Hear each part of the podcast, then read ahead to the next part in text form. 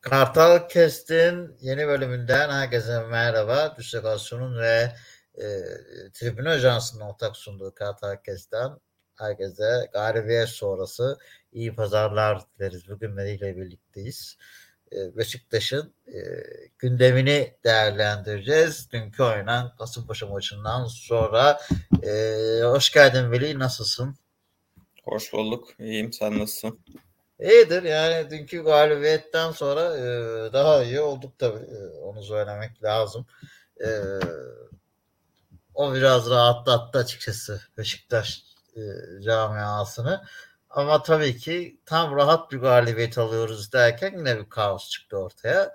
Beşiktaş resmen e, yine stresle maçı bitirdi. E, maçtan sonra da strese devam ediyor. E, dilersen direkt e, karşılaşmayla başlayalım.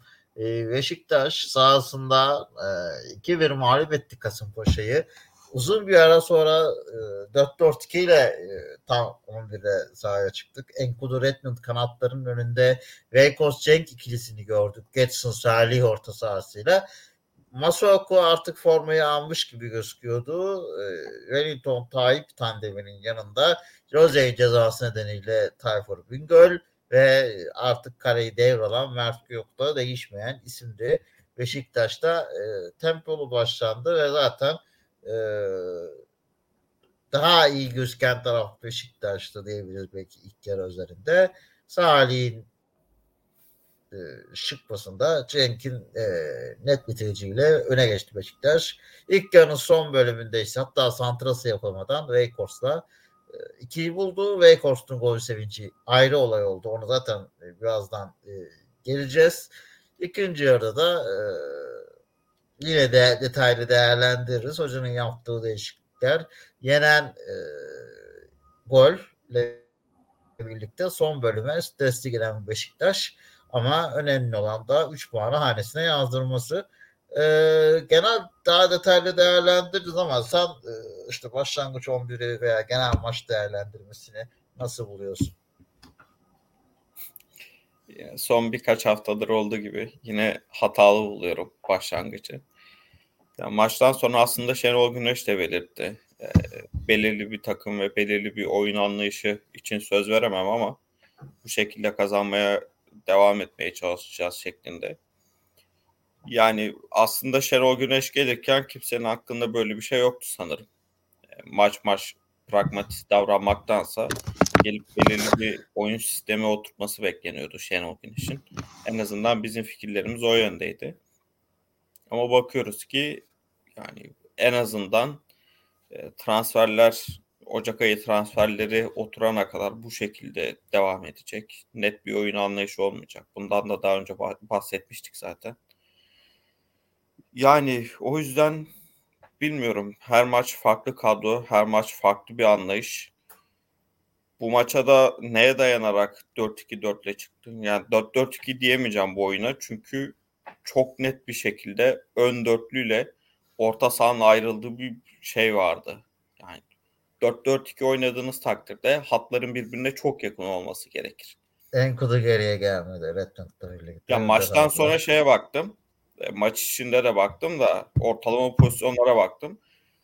Önde iki tane Santifor'la oynuyoruz. Santifor'lar bağlantı yapmıyor. Buna rağmen en önde çıkan oyuncu Enkudu. yani çok enteresan. Şimdi böyle bir 4-2-4 ya da 4-4-2 artık her ne dersek diyelim. Önde çift santifor varken iki tane de çok net bir kanat oyuncusu varken kanat oyuncusunun en önde çıkması ortalama pozisyonda çok absürt bir durum. Yani böyle olunca e, bek oyuncu da bek oyuncusu da çok yalnız kalıyor. Şimdi sezon başından beri Masaku evet eleştiriliyor ama sezon başından beri de önünde yani %90 oranında Enkudu oynadı. Bunları bir bağlantısı olduğunu tahmin etmek gerekir diye düşünüyorum. Bir oyuncuyla, bir bekle, bir kanat oyuncusunun arasındaki mesafenin bu kadar fazla olması Enkudu'nun yani çok çok az defansa yardıma gelmesi Masuaku'ya da olan eleştirileri artıran nedenlerden bir diye düşünüyorum. Oyuna o zaman sana şu soruyu da sormak istiyorum. Ee, izleyicimiz Mehmet Filiz sormuş.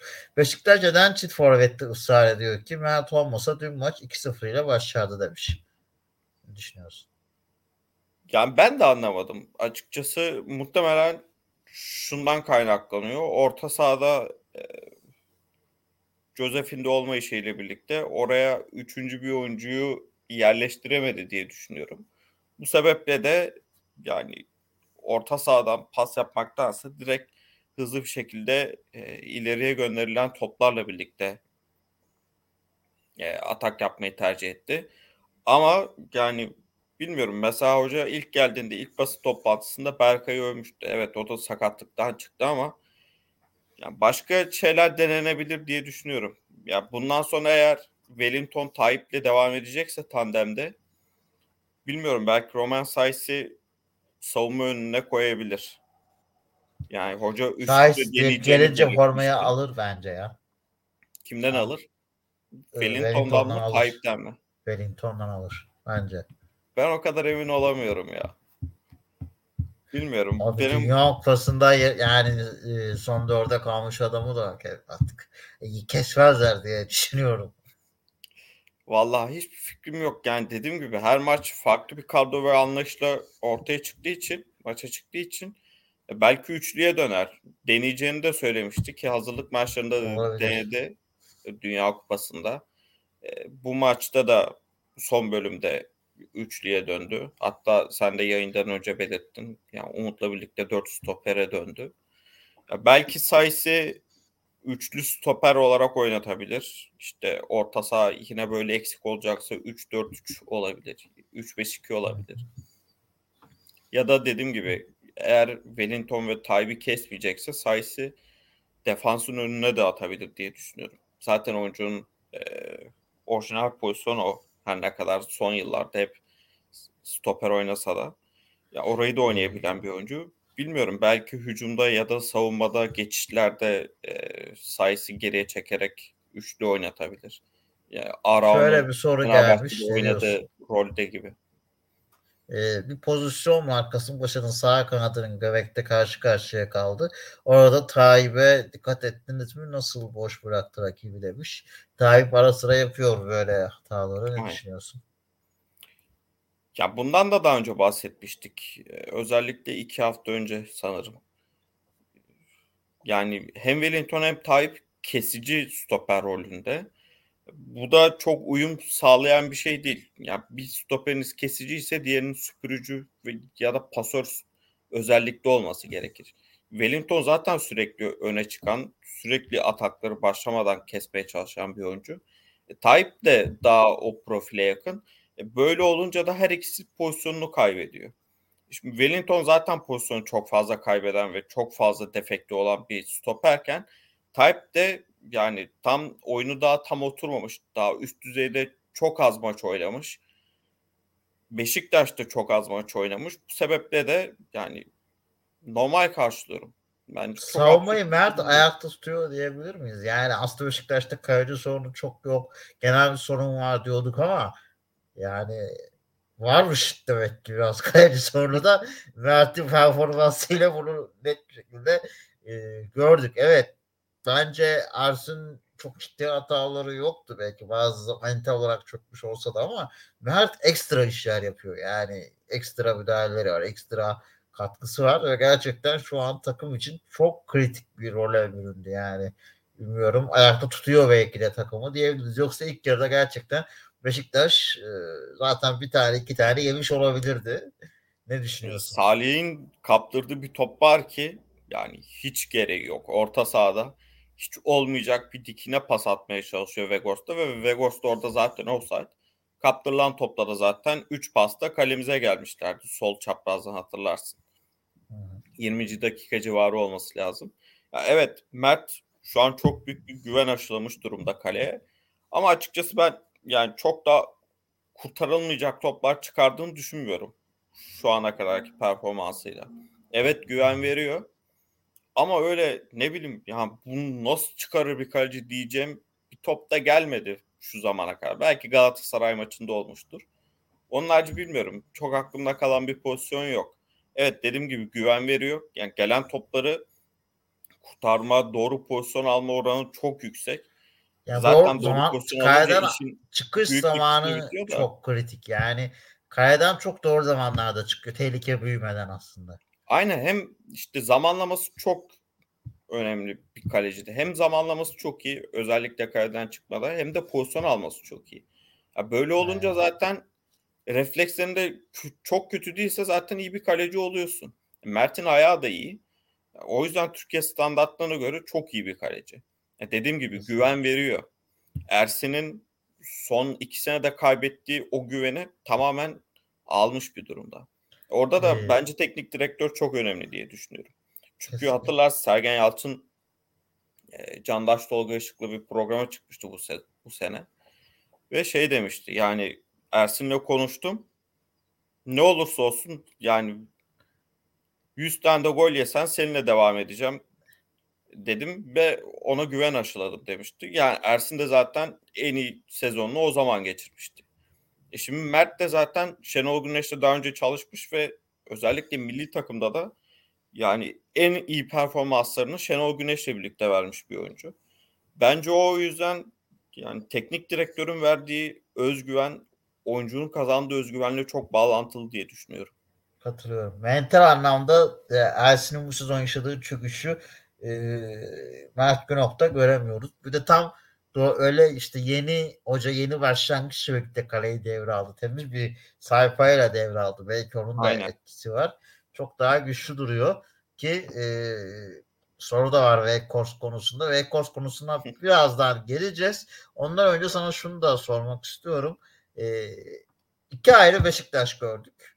Atiba girene kadar ve Atiba girdikten sonra. Hani ben dedem benim için çok önemli bir oyuncu aslında. Hani ben e, Atiba Hutchinson bana göre e, en büyük Beşiktaş efsanelerinden biri. Bu bir gerçek ama artık sanki bazı şeyler e, olmuyor. Yani çok erken bir oyuna girdi.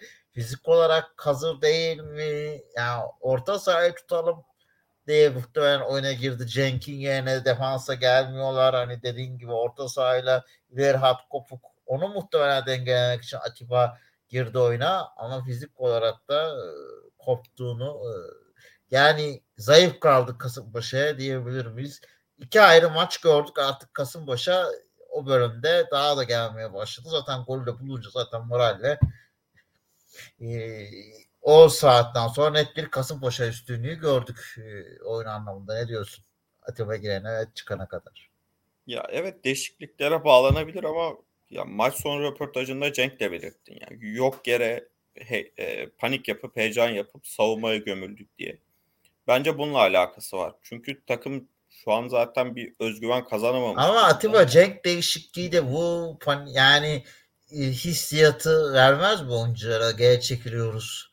Ya forvetten orta sahaya ve çok hamle. normal yani 2-0 öne geçmişsin. 4-4-2 oynuyorsun. Bir yerden sonra hemen her hoca zaten şey yapar. Yani standart e, dizilişin standart düzenin bu değilse her maç bu şekilde çıkmıyorsan bir yerden sonra zaten orta sahayı üçlemek çok mantıklı hale geliyor.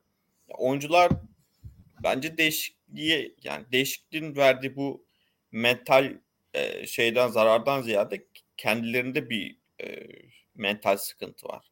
Ya Adana Demirspor maçı da kolay geçmedi. Antep maçı da kolay geçmedi. Bir de üstüne hafta içinde işte var kayıtları açıklandı. Orada da mutlaka dinlemişlerdir. İşte zaten Mehmet Büyükekşi de çıktı dedi hatalı kararlar diye. O zaten Ya ayrı bir orada- skandal. Ya, kı- ya orada kırmızı kart verilse maç başka bir yöne doğru gidecekti belki. Belki o maçı kazan e, işte hiç puan alamayacaktı Beşiktaş. Belki Adana Demirspor maçına sirayet edecekti. Ya bunları da düşününce oyunculardaki mental düşüş, özgüven kaybı bence bunlar etkili. Yani şeyden ziyade oyuncu değişikliğinden ziyade Atiba da bilmiyorum evet sezon başından beri yani Dünya Kupası arasına kadar neredeyse hiç oynayamadı. Ama Dünya Kupası'nda da Kanada'yla ilk 11'de çıktı maçlara. Ve Kanada'da yani birkaç tane yetenekli oyuncu olsa farklı şeyler konuşuyor olabilirdi. Kanada o gruptan çıkabilirdi. O zaman dilersen bir Wake Course kısmına artık gelelim. E, attı golünü yaptığı gol sevinciyle direkt damga vurdu. Direkt ilk devre arası strese başladık. Menajeri önce yalanladı. Ceyhun kazancı ve e, Şenol Güneş'in açıklamaları oldu. Ama edinilen bilgilere göre e, Waycourse'un e, Manchester United yetkililerinin Burnley ile temasa geçmesi sonucu izin istediği Beşiktaş'tan söyleniyor. Yani Manchester United sana teklif yapıyorsa ve hocası da e, bir Hollandalıysa e, yani nispeten anlayabilirim yani Waycourse'un gitmek istemesini. Özellikle burada zirveden de birazcık uzaklaştığın için hani lider olsam belki dersin ki hadi burada bir şampiyonluk yaşayayım. Ama herhalde e, Waycourse'un da kafasını çelmişler gibi duruyor. E, Manchester United'ın Abu Bakar'a transfer etmeye çalışıldığı da e, söyleniyor ki e, Ronaldo biliyorsun yabancı sınırına takılıyor yoksa oynayamayacak. Direkt e, Abu Bakar ilk gözden çıkarılan isim konumunda. Hatta Sözleşmesini feshetmişler herhalde sanırım resmi olarak. ben de öyle bir haber okudum. Ee, eğer Abu da Manu'ya gidiyorsa mesela Abu Bakar ve Weghorst ikilisi ile transfer etmek e, Manu ne amaçlamaktadır? Neye hizmet etmektedir diye sormak istiyorum sana. Yani E, Atletik'te çıkan habere göre ki Atletik'te yani herhalde spor basında en güvenilir kaynaktır şu an için. Son birkaç yıldır. Ya Atletik'te çıkan habere göre e, United'ın Abu Bakar'a bir ilgisi oluyor. Fakat Ten Hag e, özellikle Dünya Kupası'nda izledikten sonra Weghorst'u istiyor. Bunun üzerine de United Abu, Bakar transferinden vazgeçiyor. Burnley ile işte kiralanması için konuşmalara başlanıyor. E, Oyuncu da bilgilendiriliyor. E, Fabrizio Romano'nun e, geçtiği bilgiye göre de Weghorst işte yeşil ışık yaktı diye bir haber geçti o da dün. Yani zaten Weghorst gelirken çıkan haberler hep şey yönündeydi. Hatta e, Luis ile de konuşmuştu. İşte Dünya, Dünya Kupası'na kadar reklam. hazır bulunmak istiyorum deyip ya, o yüzden Beşiktaş'ı tercih etmişti en çok. Ya o yüzden şu an oyuncuya gidiyorsun diye bilmiyorum. Kızmak bana pek mantıklı gelmiyor. Ben zaten Gomez'den sonra herhangi bir oyuncuyla bağ kurmamaya başladım. O yüzden çok da sıkıntı değil. Belki yönetime e, eleştiriler var. Bir soru da var. Onu da e, Yönetime sorayım. niye eleştiri var? Gürkan'ın sorusu. Bir sezonluk kiralık sözleşmeli futbolcunun daha 6. ayında başka takıma kiralık olarak gitmesine engel olamamak bu kaçıncı seviye yöneticilik? İyi yayınlar arkadaşlar demiş. Yani şey dedi hani bu kadar e, kiralık sözleşmesi var hani oyuncuyu daha ikna edememek e, sezon ortası yani veya işte belki de şöyle de sıkıntı var. Mesela Weghorst'ta Beşiktaş'ın şu an bütün umutları Weghorst'a bağlı ya biraz aslında. Öyle de bir sıkıntısı var. Yani e, gerçekçi olmak gerekirse Beşiktaş'ı şu an sahada 3 kişi tutuyor.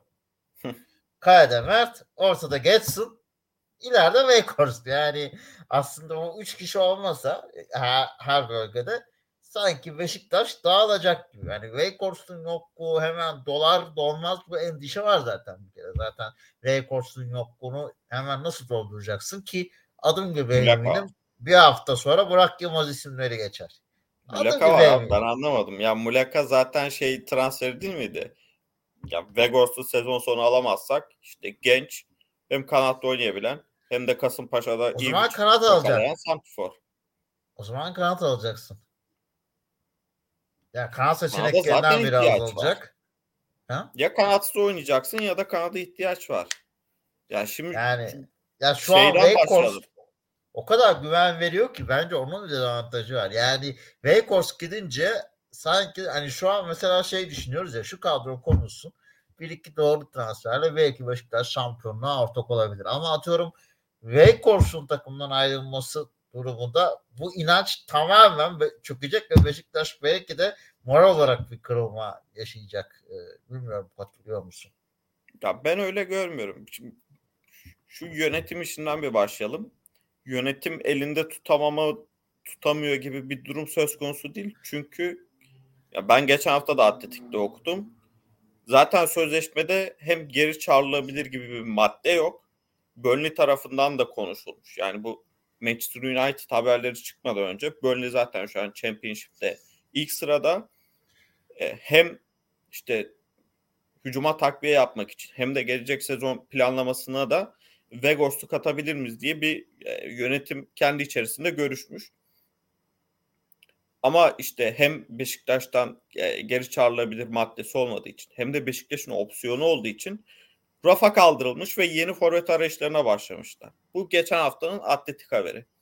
Şimdi zaten sözleşmesinde geri çağrılabilir maddesi yok. Eğer Beşiktaş ile konuşup anlaşmadığı sürece oyuncu zaten Beşiktaş'ta kalacak sezon sonuna kadar.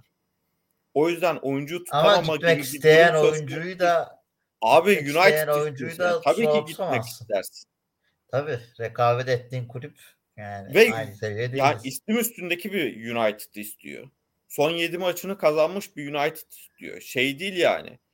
Birkaç sene önceki United değil. Yeni bir hocayla yeni bir yapılanmaya başlayan bir United istiyor seni ve eğer bu 6 aylık süreci iyi geçirirsen sözleşmeyi de alabilirsin. Ya Böyle ihtimal de var. Vegors'un kariyerinde yani öyle çok üst düzey takımlar da yok. Hollanda'da Wolfsburg'a gidiyor. Wolfsburg en fazla Avrupa'ya gidebilmiş bir takım o zaman içerisinde. Oradan küme düşen Burnley'e geliyor. Oradan Avrupa'ya gidemeyen Beşiktaş'a geliyor. E şimdi kariyeri zaten böyle. Dünya Kupası'nda attığı iki golü çıkar. Kariyeri zaten düşüşte bir, olan bir oyuncu. E senin Manchester United istiyorsa en kötü haliyle de olsa gitmek istersin yani. Her oyuncu gitmek ister. Ben şimdi Vegors'ta neden gitmek istiyorsun diye nasıl kızabilirim abi? Kızamayız zaten kesinlikle. İşte Yani yeri nasıl doğar şu sonrasına an? gelecek olursak da şimdi Vegors da eğer böyle oynayacaksa zaten Vegors'un şeyi de yok ki. Bilmiyorum. İkame edilmesi de gerekmiyor bu tarzda. Yani şu an için Vegors sezon başına göre tamamen farklı bir yapıda oynuyor. Tamamen ortaya dayalı bir düzende oynuyor. Evet. Çok ilginç bir şekilde Valerian İsmail Vegors'u daha iyi kullanıyordu. Şenol Güneş'ten. Yani Vegors'un en büyük özellikleri ne? Bir, pres yapması. Bak bir numarada pres var. Santrfor ama bir numarada pres var. Pres çok iyi. Bağlantı oyunu çok iyi. Bitiricilik 3. sırada gelir. Bence. Ki dün de baktım ya 9.83 sezon e, sezon genelinde ligde gol beklentisi var. İyi bir santrfor 12-13 gol çıkarır buradan. Vegors'un 8 golü var. Yani bitiricilik anlamında zaten çok üst düzey bir oyuncu değil. Çok üst düzey bir oyuncu olsa zaten daha üst düzey takımlarda oynardı. Ya buna rağmen gol oranı da iyi. Yani her sezon belirli bir sayıda gol atmış bir oyuncu. Lewandowski'den sonra o kendi geldiği periyottan itibaren en, en çok gol atan ikinci, üçüncü oyuncu falan da herhalde Bundesliga'da öyle bir istatistik vardı. Ya her neyse demek istediğim yani Valerian İsmail daha fazla bağlantıda ve preste kullanırken Şenol Güneş tamamen o son sezonundaki orta kafa gol oyununa geçmiş durumunda. Ya en azından Vegors'un yokluğu oyunu değiştirmesine de neden olabilir. Yani ben orta kafa gol oyunu izlemek istemiyorum açıkçası. Yani Ee, dediğim gibi bak seninle şeyden önce de konuştuk. Yayından önce de konuştuk. Son maçlarda Cenk kaç tane da sanki ona dönecek. dedim. Yani Cenk varken de ona dönebilir orta kafa gol. Ya evet olabilir ama biraz daha düşük bir olasılık. Çünkü ya Vegos cidden tam bir kule görevi görüyor orada. Büyük bir özgüven veriyor. Ya bir de son 3 maçta açılan 87 tane orta var.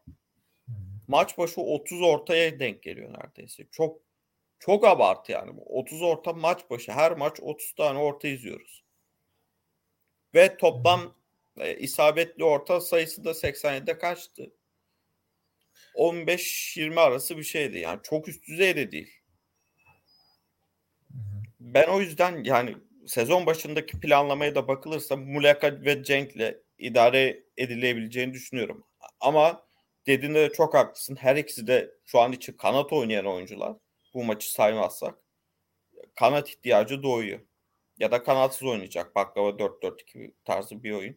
Ki onu da hiç bugüne kadar görmedim Şenol Güneş'ten. Bir maçta Ümraniye oynatmıştı. maçında. Aynen.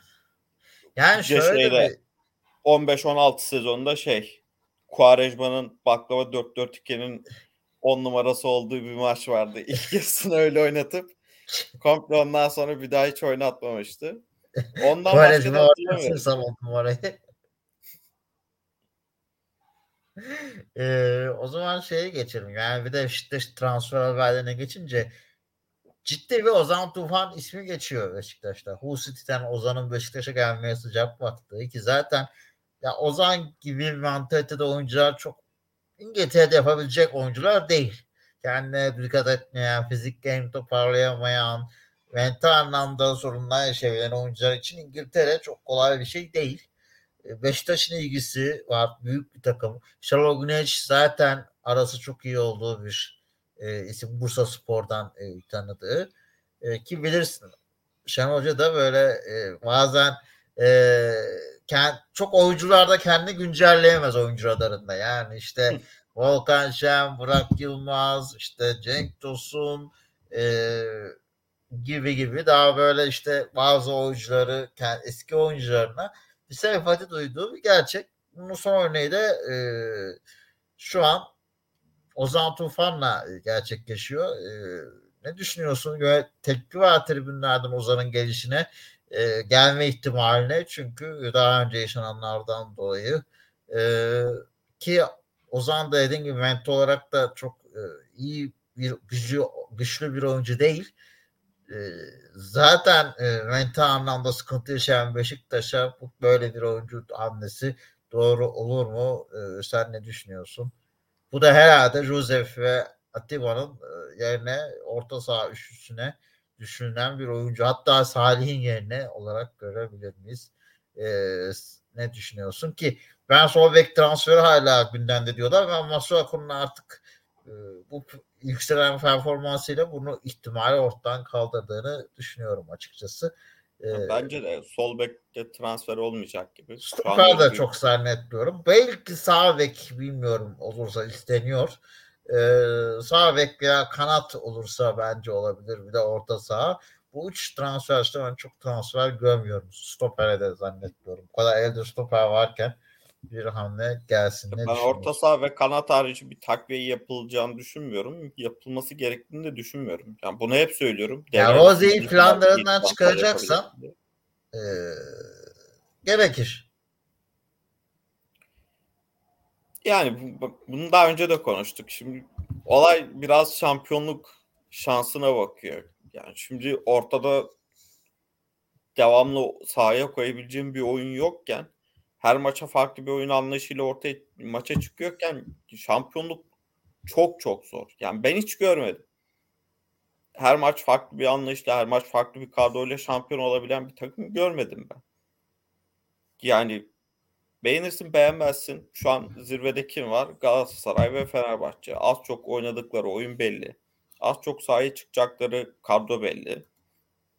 Yani o yüzden ya bilmiyorum devre arası transferleri hele ki şu ekonomik durumda ne kadar kaliteli olabilir, ne kadar faydalı olabilir, ne kadar şampiyonluk şansını yükseltebilir ve bir devre arasında oyun ne kadar oturabilir. O yüzden pek bir şey diyemeyeceğim. Ozan Tufan'a gelecek olursak da ya dediğin gibi hoca bazı oyuncularda eski oyuncularında diretiyor ama yani Şenol Güneş de bir oyuncuyu çok istiyorsa ondan çok iyi verim alıyor. Böyle bir gerçek de var. Yani Burak Yılmaz gelmeden önce de taraftar ateş püskürüyordu. Yani ben Burak Yılmaz gelse diye bir tane de taraftar görmemiştim şahsen. Tabii ben de aynı. e geldikten sonra iki maça baktı her şey. Yani bu, bu iş böyle. Ben iki maç sonra da biraz aynı taraftaydım ama. ya geldi o devre arasını çok iyi geçirdi. Sonraki sezonu da çok iyi geçirdi devre arasında da yani geldikten sonra öyle bir Santfor düzenine gelmişti ki her maç farklı bir Santfor Wagner'la falan filan havada uçuşuyordu. Bir geldi takır takır goller attı. Yani ortada bir soru işareti kalmadı. Bu adamı niye aldık diye kimse bir şey dememeye başladı. Ama zaten o soru işaretlerinin sebebi performansı değildi Buran zaten aslında. O yüzden zaten skora katkı yapacağından da çok bir şüphe yok. Yani. Ya aynen işte Ozan Tufan'da da öyle. Ya bence hoca alırsa e, takıma gelirse verim alır her türlü. Ben Yani verim alamayacak gibi bir şey hiç düşünmüyorum. Çünkü milli takımda da birliktelerdi. Milli takımda da hep tercih ediyordu. Ya bu bazen Başakşehir üçlüsünü tercih ediyordu ama genellikle Ozan Tufan hep oynayan oyuncu oluyordu. O yüzden bilmiyorum gelmesini ister miyim? Şahsen pek de istemem. Ama geldikten sonra da yapacak bir şey yok yani. Bence zaman, verim de alır hoca. E, biraz değindin aslında şu var fiyaskosuna geçmek istiyorum. Çok da sevmem böyle şeyleri konuşmayı ama Türkiye'de futbolun üstüne biraz dinamit bıraktılar. Bombayı bıraktılar Merak ve e, kaçtılar. Yani rezalet bir uygulama. Daha Merak sonra yapılan açıklamalar daha büyük rezalet. İşte bir daha çocuk oyuncağı bu değil, bir daha yapılmayacak falan. Oraları geçtik. Yani artık onu yani e, daha tren futbol yayında da söyledim. Yani bu işte her yönet federasyonun hani biz e, şey yan yorumu biz işte her kulübü memnun etmeye çalışıyoruz diye yukarıdan görevlendirilmesinin getirdiği nokta bu aslında. Yani Türk futbolu iflas etti yani. Baya baya birbirlerini memnun etmeye çalışıyor kulüplerin. Yani öyle bir boyuta geldik. Ee, biraz hani Galatasaray'ı tek başına yemeyelim şimdi Fenerbahçe'ye karşı diyeyim açıkçası. Beşiktaş'ı da içine kattılar. Zaten yanlış olan bir uygulamayı ki hani Galatasaray maçındaki şaibeler mesela soru işaretleri şaibe demeyeyim de yani hangi nasıl bir offside konuşmasını geçtiğini zaten böyle bir konuşmanın da bu arada ancak böyle geçebileceğini zaten tahmin etmiştik de yani e, Beşiktaş konusunda yani hata diyebilirsin, hakem yorumu diyebilirsin ama mesela burada var kayıtlarından bakınca var kayıtlarında negatif bir şey var mı? Hakem diyor ki benim için şiddetli değil pozisyon. Var diyor ki şiddetli. Yani bunun nesinde mesela varda var kayıtlarına bakılıyor. Zaten bu yorumun yapılacağını, konunun da bu yorum olduğunu tahmin edemiyor muydu o kırmızı kart çıktığında? Hakem bu yüzden yorumlamış. Bu çok net değil miydi? Doğru ya da yanlış ona girmiyorum kararda. Yani yorumun bu olduğu belliydi. Yani neyin var kayıtlarını açıklamak ben bilemiyorum. Sen ne düşünüyorsun? Ee, Şenol Güneş'in de hafta içi bu konuda da demeçleri oldu. Ee, ardından işte e, Beşiktaş açıklamalar yayınladı. Daha önce biz isterken neredeydiniz gibi gibi. Artık Türk futbolunda iyice bombayı bıraktılar. Şimdi derbi var bugün. Derbide neler olacak ayrı boyut. Oraya girmeyeyim de Beşiktaş konusunda kalacak olursak sen ne düşünüyorsun bu e, tuhaf kararları? Ben Beşiktaş'ın eğer şampiyonlukta bir şansı olacaksa bunun kavgalara girmemesiyle mümkün olacağını düşünüyorum. Fenerbahçe Galatasaray arasında ilişki varken aradan sıyrılabilmesi yönünde. Başka türlü bu kavgalarla ne Şenol Güneş'in ne de Beşiktaş'ın bu yarışı tutunabileceğini zannetmiyorum. Ne düşünüyorsun? Ya dediğinde çok haklısın. Gerçekten futbolun üzerine bir bomba bıraktılar. Hiç yapılacak iş değil. Dediğin gibi sonraki yapılan açıklamalar da felaket. Yani Mehmet Büyükekşi çıkıp diyor ki İngiltere'de ve Hollanda'da da yayınlandı bunlar. Ama bu kayıtlar VAR'ın nasıl çalıştığını göstermek amacıyla insanlara bir bilgi versin diye, nasıl olduğunu öğretsin diye açıklandılar. Bakın bizim hakemlerimiz bu kadar kötü diye açıklanmadılar. Ya felaket bir karar. Ya bundan sonra Birincisi, hakemleri de çizdir üstünü. Yani hakemlerden de hayır gelmez bundan sonra. Kulüpleri geçti. Zaten haber de çıktı bundan kayıtlar yayınlandıktan sonra işte hakemler kendi aralarında şey konuşmuşlar. TFF bizi bitirdi. Bu saatten sonra biz nasıl doğru karar vereceğiz falan filan diye. ya ben anlamadım. Ya gerçekten Beşiktaş'ın neden katıldığını falan filan anlayabiliyorum. Sen de belirttin de. Neden böyle bir yayınlama gereği hissettiler ben onu anlamadım. Yani çıkıp yapılacak tek açıklama o da Merkez Hakem Kurulu tarafından olabilirdi. Evet yani hata yapılmıştır. Varda da yanlış bir karar çıkmıştır. Hakem gözlem, gözlemci raporunda da hakem düşük bir puan almıştır. Bundan sonra işte hakemin işte hakemlik kariyerini mi bitiriyorsun? Uzun süre maç mı vermeyeceksin? Ne yapacaksan yapacaksın. Bence bunun da açıklanmaması gerekiyor. Yani yapılacak tek şey ciddi bir hata olduğu yönünde bir kamuoyuna rahatlatacak bir açıklama olabilirdi. Bundan sonra bunun üzerine gideceğiz. Abi her sene her sezon başında seminer düzenleniyor. Hakemler de katılıyor buna. Yani bu seminere gelenler de bak ciddi miktarda paralar ödeniyor. İnsanlar bilgilerini anlatsınlar diye. Hakemler öğrensin diye. Yani öyle bir var kaydı açıklandı ki ya aslında Türkiye'nin tüm sosyolojik yapısını ortaya koyan bir var kaydıydı o. Öyle bir konuşma üslubu öyle bir yani çok ileride gitmek istemiyorum ama hakemliklerini sorgulamaktan ziyade o insanların zekasını sorgulamayı yetecek kadar veri var elimizde. Offside tartışmasını geçtim. Onların offside'ı nasıl tartıştığını geçtim. Yani bir insan çizgiden gelen bir insanın vücudunun çizgiden arkasının olduğunu nasıl düşünemez? Yani son hızlı çizgi üstünde diyor. Abi adamın yüzde yetmişi sahanın içinde. Diyor ki son hızlı çizginin üzerinde.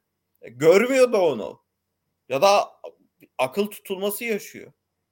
O site'i bilmemesini falan geçtim. Cidden ortada bir liyakat sıkıntısı olduğunu gösteriyor yani bu Hakemini Abi falan emin geçtim. değilsen niye çağırıyorsun? Bak o da bir sıkıntı. Abi offside olsa diyerek çağırabilir misin? Emin değilsen nasıl çağırıyorsun pozisyona yani? Ya bir de hakem, orta hakemi niye çağırıyorsun ki? Offside Varın amacı bu değil mi? Net pozisyonda çağırmak varın amacı. Ben anlamadım. Bugüne kadar hiç offside mi değil mi diye çağrılan hakem de görmedim. Offside Aa, şeyi unut. Abi. Beşiktaş Hatay Spor maçında hatırla. Ee, Necip'in attığı gol offside gerekçesiyle verilmedi. Aktif offside diye Montero. Ona varı çağırmış ya abi bunun yapılmaması gerekiyor. Yani offside ise offside'dır. Bunun genelde çok tartışması yapılmaz. İşte Fenerbahçe Antalya Spor maçı evet biraz karışıklık yarattı. Kural kuralı okumakla, yorumlamakla alakalı biraz oradaki offside.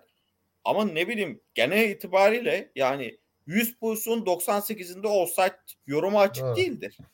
Tabii Net bir şekilde çizgi çekilir. Ne tartışılır? İşte diğer oyuncudan önde mi değil mi? Birkaç santimle o tartışılır. Ama bu da yoruma açık değildir. Doğru. Ya orta hakemi çağırmalık bir durum olmaması gerekiyor offside'da. Var bunun evet. offside olduğuna karar verir. Orta hakeme de der ki pozisyon offside. Gol iptal. Offside'ımsı diye bir şey.